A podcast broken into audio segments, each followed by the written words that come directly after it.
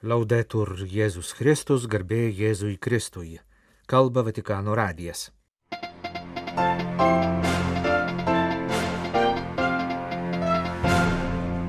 Popiežiaus maldos intencija gegužės mėnesiui. Pranciškus prašo kartu su juo melstis už bažnytinius judėjimus ir bendruomenės. Ketinama įkurti bažnyčios centrinį audiovizualinį archyvą. Popiežius parašė pratarmę Portugalės žurnalistės knygai apie pasaulio jaunimo dienas. Ukrainietis kunigas apie dvasinę ir psichologinę pagalbą karo traumuotiems žmonėms. Opus Dei nariai Lietuvoje priskirti naujam prelatūros teritoriniam padaliniui. Gegužės mėnesį popiežius Pranciškus prašo kartu su juo melstis už bažnyčios judėjimus ir bendruomenės. Los movimientos eclesiales son un don, son una riqueza en la iglesia. Bažnyčios judėjimai yra dovana, jie yra bažnyčios turtas. Estos son ustedes. Štai kas jūs esate. Los movimientos renuevan la iglesia con su capacidad de diálogo al servicio Judėjimai atnaujina bažnyčią savo gebėjimu užmėgsti dialogą, tarnaudami evangelizacijos misijai. Gyvendami pagal savo charizmas, jie rodo Evangelijos žavesi ir naujumą. Kaip jie tai daro? Kalbėdami įvairiomis kalbomis. Jie atrodo skirtingi, tačiau skirtumus nulėmė kūrybiškumas. Visada suprasdami kitus ir patys būdami suprantami kitiems.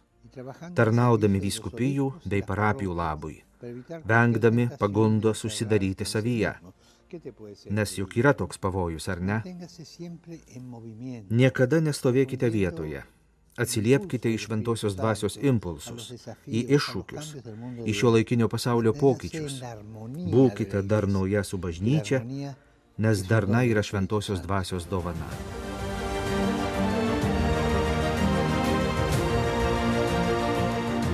Oremos para que los movimientos y grupos eclesiales redescubran cada día su misión. Melskimės, kad judėjimai ir bažnytinės bendruomenės kasdien iš naujo atrastų savo misiją - evangelizacijos misiją. Ir kad savo charizmomis atsilieptų į pasaulio poreikius. Kad visada tarnautų. Antradienį gegužės antrą dieną į pirmą posėdį Vatikane susirinko Katalikybės audiovizualinės atminties fondo mokslinis komitetas. Jo nariams pasiūstame sveikinime popiežius ragina visą bažnyčios bendruomenę įsipareigoti saugoti savo istorijos audiovizualinius fondus. Tai brangus paveldas, kurį reikia saugoti ir tvarkyti pagal mokslo kriterijus, rašo Pranciškus. Antradienio rytą Vatikano bibliotekoje vykusiam posėdžiui vadovavo komiteto narys Šventojios Romos bažnyčios archyvaras ir bibliotekininkas arkivyskupas Andželio Vincenzo Zani, kuris perskaitė popiežiaus sveikinimą. Labai svarbu, kad jūsų institucija, bendradarbiaudama su kitais archyvais ir akademinėmis institucijomis, siūlo viziją ir metodus, kaip išsaugoti audiovizualinį istorinį paveldą, rašo Pranciškus ir linki, kad netolimoje ateityje būtų įkurta institucija, kuri veiktų kaip Šventojo sosto ir visos bažnyčios centrinis audiovizualinis archyvas. Neseniai įkurto katalikybės audiovizualinės atminties fondo vadovas yra buvęs Šventojo sosto komunikacijos dikasterijos prefektas, dabartinis popiežiškosios mokslo akademijos ir socialinių mokslo akademijos vicekancleris kunigas Dario Vigano. Akise ir širdyje vis dar ta didžiulė jaunų žmonių minė, kuri Liepos mėnesį prieš dešimt metų pasitiko mane Rio de Žaneire. Kelias papamobiliu nuo karinės tvirtovės, kur nusileido sraigtas sparnis, iki susitikimo ir šventimų vietos Kopa Kabanoje visam laikui išliks mano atmintyje. Didžiulis jaunų žmonių entuzijazmas, kurie man sviedė vėliavas, kepuraitės, marškinėlius, siūlė gurkšnį matęs ir apkabino naująjį Romos vyskupą, atvykusi išpildyti savo pirmtako įsipareigojimo. Nepamirštama patirtis. Rašo popiežius Pranciškus. knygos Ilgas kelias į Lisaboną pratarmyje. Šią knygą apie būsimas pasaulinės jaunimo dienas šių metų rūpiučio pirmąją savaitę Lisabonoje ir visus ankstesnius susitikimus parengė portugalų žurnalistė Aura Miguel, pati dalyvavusi ko ne visuose iki šiol surenktuse susitikimuose, aistringai aprašysi juos kaip žurnalistė ir dalyvavusi juose kaip tikinčioji. Apie susitikimą Lisabonoje 2019-aisiais iš Panamos pasaulinių jaunimo dienų paskelbė popiežius Pranciškus. Tuosik jis nurodė, kad kitą kartą su jaunuoliais susitiks 2022-aisiais, tačiau dėl pandemijos susitikimas buvo metais pavėlintas. Pasaulinės jaunimo dienos buvo ir tebėra galingos akimirkos daugybei vaikų ir jaunuolių, o pradinis mūsų mylima popiežių vaitylą judinęs įkvėpimas neišblėso ir dabartinėje epochos kaitoje, kurią daugiau ar mažiau sąmoningai išgyvename pažymė Pranciškus. Pasak jo vadinamieji skaitmeniniai čia buviai, mūsų dienų jaunuoliai, kasdien rizikuoja užsidaryti ir didelę savo gyvenimo dalį praleisti virtualioje aplinkoje, tapdami netikrus poreikius žadinančios agresyvios rinkos aukomis. Pandemijos ir visuotinės izolacijos metai šią riziką sustiprino. Todėl išėjimas iš namų ir leidimasis su draugais į kelionę bendra stiprių klausimuose, maldos ir šventės akimirkų patirtis bus vertingas laikas kiekvieno gyvenimai. Daug kartų rašo popiežius Pranciškus, jis kvietė jaunulius neapsiriboti žvilgsniu iš balkono. Kitaip tariant, nebūti pasiveis pro šalį bėgančio gyvenimo stebėtojais, kurie nesusitepa rankų ar išmanaus įrenginio ekranu atskiria save nuo likusio pasaulio. Taip pat daug kartų prašė nelikti sofos jaunuoliais, nujautrintais tų, kuriems tai patogu. Jaunystė tai svajonė, atsiverimas tikroviai, atradimas to, kas iš tiesų vertinga gyvenime ir kova už tai, atsiverimas intensyviems ir tikriems santykiams, tai įsipareigojimas su kitais ir dėl kitų, rašo popiežius. Baisi pandemijos patirtis parodė, kad nesame savo gyvenimo ir likimo šeimininkai, o išsigelbėti galime tik kartu. Šiandien pasaulis krenta į karo ir ginklavimosi sūkurį, kuris atrodo nesustabdomas ir rizikuoja virsti susinaikinimu. Prieš iškankintą Ukrainą pradėtas karas. Karas krikščioniškos Europos širdyje yra tik viena jau seniai prasidėjusio trečiojo pasaulinio karo dalių. Vyksta kiti jau pamiršti karai ir konfliktai, nenusakomas žodžiais smurtas. Kaip tai liečia jaunų žmonės? kam jie su savo energija, ateities vizijomis ir entuzijazmu yra pašaukti, klausia Pranciškus. Ir atsako, jie pašaukti pasakyti viker, mums rūpi. Pasakyti nuot popiežiaus, kad mums įdomu ir mums neramu dėl to, kas vyksta pasaulyje, kad kažkas kenčia išėjęs iš namų ir negalėdamas į juos sugrįžti, dėl pabėgėlių stovyklose gimusių ir užaugusių bendramžių likimo nuo karo ar persekiojimų bėgančių ar tiesiog pragyvenimo galimybių ieškančių jaunuolių, dažnai prarijimų jūros gelmių. Pasakyti, kad rūpi vandens, maisto ir vaistų neturinčių milijonų žmonių, įskaitant vaikus likimas tuo metu, kai valdžios atrodo lenktyniauja, kas daugiau išleis už sudėtingiausią ginkluotę.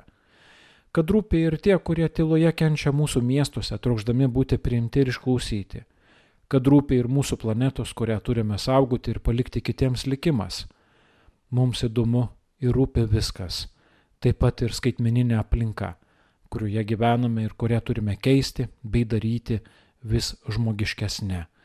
Pasaulinės jaunimo dienos yra priešnudis abejingumai ir nejautrumai. Balkonai ir sofai. Jos įtraukia, pajudino metai iššūkiai jau daugybei vyrų ir moterų kartų Tačiau nepakanka stiprių patirčių, jos turi būti purenamos ir palydimos. Pasaulinės jaunimo dienos yra malonės įvykis, kuris pažadina, išplečia horizontą, sustiprina širdies siekius, padeda svajoti ir žvelgti toliau. Tai pasita sėkla, kuri gali duoti gerų vaisių. Mums reikia pabudusių jaunuolių, norinčių atsiliepti Dievo svajonę ir domėtis kitais. Jaunuolių, kurie atskleistų tarnavimo kitiems, vargšams ir kenčiantiems Kristui atiduoto gyvenimo džiaugsmą ir grožį. Linkiu visiems knygos skaitytojams jos puslapiuose atrasti arba iš naujo atskleisti pasaulinių jaunimo dienų patirčių grožį ir turtingumą. O 2023 m. pasaulinės jaunimo dienas Lisabonoje išgyventi su džiaugsmu ir dėkingumu viešpačiui. Knygos Ilgas kelias į Lisaboną pratarmėje rašo popiežius Pranciškus. Gegužės pirmą dieną opus dei prelatas monsinjoras Fernandas Okarizas į vieną prelatūros regioną sujungė septynias šalis - Slovakiją, Estiją, Suomiją, Latviją, Lietuvą, Lenkiją ir Čekiją. Naujojo regiono vikaru paskirtas kunigas Stefanas Mošoro Dombrovskis. Regiono centrinė būstinė bus Varšuvoje. Opusdei prelatas priėmė šį sprendimą, norėdamas suteikti naują postumį apaštališkajam darbui šalyse, kurios sudaro naująjį Šiaurės vidurio Europos regioną. Panašus sprendimai pastaraisiais metais buvo priimti ir dėl kitų opusdėjai teritorinių padalinių.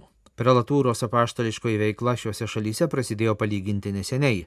Į Suomiją pirmieji nariai atvyko 1987-aisiais, į Lenkiją 89-aisiais, tuometinėje Čekoslovakijoje nedidelė prelatūros tikinčių grupė įsikūrė 91-aisiais, Lietuvą opus dei nariai pasiekė 94-aisiais, Estija 96-aisiais, Latvija 2004-aisiais.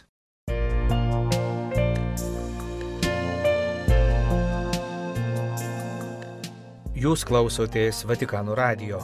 Tęsėme žinių laidą lietuvių kalba. Ukrainos Lotynų apieigų Kamjanets Podilski viskupijoje kunigas Aleksandras Halaimas tiems, kurie susiduria su karo drama, siūlo ne tik dvasinę, bet ir psichologinę pagalbą. Taip pat organizuojami bendruomenės susirinkimai. Pasak kunigo tarp tikinčiųjų ir netikinčių didelis solidarumas, teikiama stipri savitarpio pagalba, organizuojami pirmosios pagalbos kursai. Kunigas Aleksandras Halaimas užsijima dvasiniu ir psichologiniu palidėjimu žmonių, patyrusių artimųjų netekti karo metu ne tik savo viskupijoje, bet taip pat sukūręs grupės ir kitose viskupijose. Jis pasakoja, kaip padeda žmonėms išgyvenantiems dramas ir sunkes akimirkas dėl jau daugiau nei metus trunkančio karo su Rusija kaip gimė iniciatyva palydėti fronte artimųjų netekusius žmonės - motinas, žmonas, seseris ir net brolius bei vyrus. Kunigas pasakoja, kad iniciatyva gimė tada, kai pastebėjo, kad keli žmonės sužinoję apie artimųjų šeimos ar draugų netekti negalėjo suprasti, kas vyksta. Dažnai jie pasineria į save, nežino, kaip gyventi toliau. Baiminomės, kad be nuostolių karo metu gali padaugėti ir savižudybių skaičius. Todėl su keliais bendraminčiais įkūrėme centrus, kuriuose galime padėti patyrusiems netektis, traumas, padėti jiems eiti į priekį, būti su jais šalia jų skausmo, pasakoja dvasininkas. Susitikimai vyksta įvairiai - tai asmeniniai susitikimai su žuvusiųjų motinomis, žmonomis, šeimomis, susitikimai su žmonėmis patyrusiais smurtą, įvairias traumas, taip pat susitikimai bendruomenės lygmenių ir įvairios grupės - motinoms ir žmonoms, kurios susitinka kiekvieną savaitę ir bando kartu judėti pirmin. Taip pat grupių vadovai stengiasi paaiškinti, kaip elgtis su išgyvenusiais po traumos, kokius klausimus galima ar negalima užduoti artimiesiems fronto linijose arba kaip elgtis su žmogumi praradusiu artimuosius. Moko, kaip pasiūlyti pagalbą kritiniu atveju sielvarto netekties metu. Tai ne tik dvasinis palidėjimas, bet ir psichologinės pagalbos aspektas. Be to, kunigas Halaimas su kitais bendraminčiais veda pirmosios pagalbos kursus. Pavyzdžiui, sprogdinimų atveju paaiškina, kaip tvarstyti kraujuojančias žaizdas. Stengiasi, kad šis mokymas apimtų tris aspektus - kūno, psichikos, o taip pat ir sielos. Rūpintis žmonių dvasiniu lygmeniu jam padeda seminarijoje įgytos žinios teologijos studijos. Kalbant apie psichologinę sferą, tuo pasirūpino Dievo apvaizda. Prieš karą Vokietijoje kunigas išklausė kursus apie pagalbą traumas patyrusiems žmonėms. Viešpats padėjo man toliau eiti šiuo keliu, net ir dabar Vokietijoje lankau įvairius kursus, skirtus padėti nukentėjusiems nuo psichologinių traumų, pasakoja dvasininkas. Svarbiausia būti šalia kenčiančių žmonių, kad jie neužsidarytų savyje ir suprastų, kas vyksta jų viduje. Kenčiantis turi suvokti, kad esant skausmui ir traumoms, kai kurie elgesio modeliai yra visiškai normalūs. Nes taip reaguoja mūsų kūnas, taip reaguoja mūsų psichika. Reikia padėti jiems suprasti, kaip visą tai įveikti, kaip iš to išsivaduoti, leisti jiems pajusti, kad jie nėra vieni. Visuomenė turi būti pasirengusi palydėti ir padėti šiems žmonėms. Jau daugiau nei metus ne tik bažnyčių bendruomenės, o visi Ukraino žmonės susivienijo įvairiais būdais bando padėti vieni kitiems. Jei anksčiau buvo skirtumas tarp tikinčių ir netikinčiųjų, tai dabar visus vienyje tas pats skausmas - šis karas. Pavyzdžiui, jei žmonės sužino, kad tam tikroje vietoje galima gauti pagalbą, žinia greitai išplinta, o jei ko nors nepavyksta padaryti, visada atsiranda žmogus, kuris gali pasiūlyti pagalbą. Vyrauja solidarumas ir noras padėti. Kunigas prisimena vilties kupiną įvykį nušvietusi vieno skausmo istoriją. Viena motina nebegavo žinių apie sūnų kovojusi fronte. Jis buvo laikomas dingusiu, vėliau ji net gavo laišką apie jo žūtį. Tačiau netrukus padedama draugų ir kitų geranoriškų žmonių, ši moteris sužinojo, kad jos sunus yra nelaisvėje Rusijoje. Dabar kunigas Halaimas stengiasi padėti jį susigražinti. Šiai mamai buvo didžiulis džiaugsmas ir viltis sužinoti, kad jos sunus gyvas, pasakojo kunigas Aleksandras Halaimas, teikiantis dvasinę ir psichologinę pagalbą žmonėms patyrusiems traumą karo metu. Romoje vyko dvišalė Ukrainos atkūrimo konferencija. Tai jau trečiasis dvišalio formato susitikimas, skirtas ekonominiai paramai Kyivui. Pirmasis įvyko Vokietijoje pernai spalį, antrasis Prancūzijoje gruodį. Taip pat numatytas daugiašalis formatas donorų koordinavimo platforma. Ukrainos atstatymas prasideda dabar, sakė ministras pirmininkas Denisas Šmichalis. Tai tam tikras prieštaravimas, nes karas vis dar tęsiasi. Tad kodėl skubama atstatyti tai, ką rusų raketos gali vėl sunaikinti per kelias sekundės? Iš tiesų, tarptautinė diplomatija jau kurį laiką stengiasi atgaivinti invazijos nuniokotą šalį. Be to ketvirtadalis gyventojų dabar skursta. Be ginklų, į kuriuos ir toliau kreipiamas pagrindinis pasaulio dėmesys, ukrainiečiams reikia humanitarnės paramos. Planuojamas kelių etapų įsipareigojimas. Pirmasis - skubiausios infrastruktūros atkūrimas sritise, kurios buvo išlaisvintos iš Maskvos kariuomenės okupacijos. Vėliau bus rūpinamasi keliais, geležinkeliais, geriamojo vandens, nuotekų sistema. Antrajame etape reikės numatyti didelių infrastruktūrų modernizavimą ir būtinas reformas investicijoms pritraukti. Didelę ekonomikos atkūrimo programos dalį sudarys bandymas prikelti privatų sektorių, kad jis galėtų skatinti ekonomiką.